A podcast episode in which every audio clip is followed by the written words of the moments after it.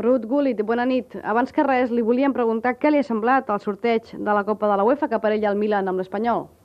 Eh, Crec que serà un bon enfrontament. Pel Milan és bo jugar amb bons equips perquè aquesta temporada hem començat una nova fase amb un equip nou. Com és natural, juguem a Itàlia normalment i ens convé molt jugar amb equips de fora com l'Espanyol que tinguin qualitat. So for us, it's good to play good against good uh, teams. De fet, però, és una garantia que l'Espanyol eliminés el Borussia. Sí, i nosaltres vam guanyar el Gijón.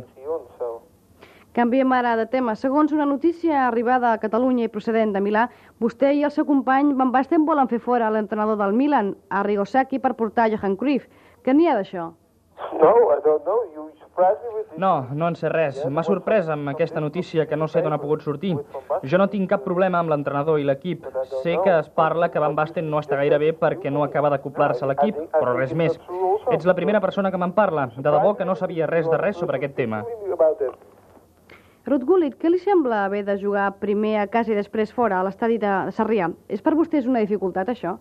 No, I think it, it must. No, crec que no importa en absolut. Barcelona és una ciutat molt maca i m'és igual si juguem allà al segon partit. Són fets accidentals. El que de debò importa és l'actitud d'un mateix a cadascun dels partits.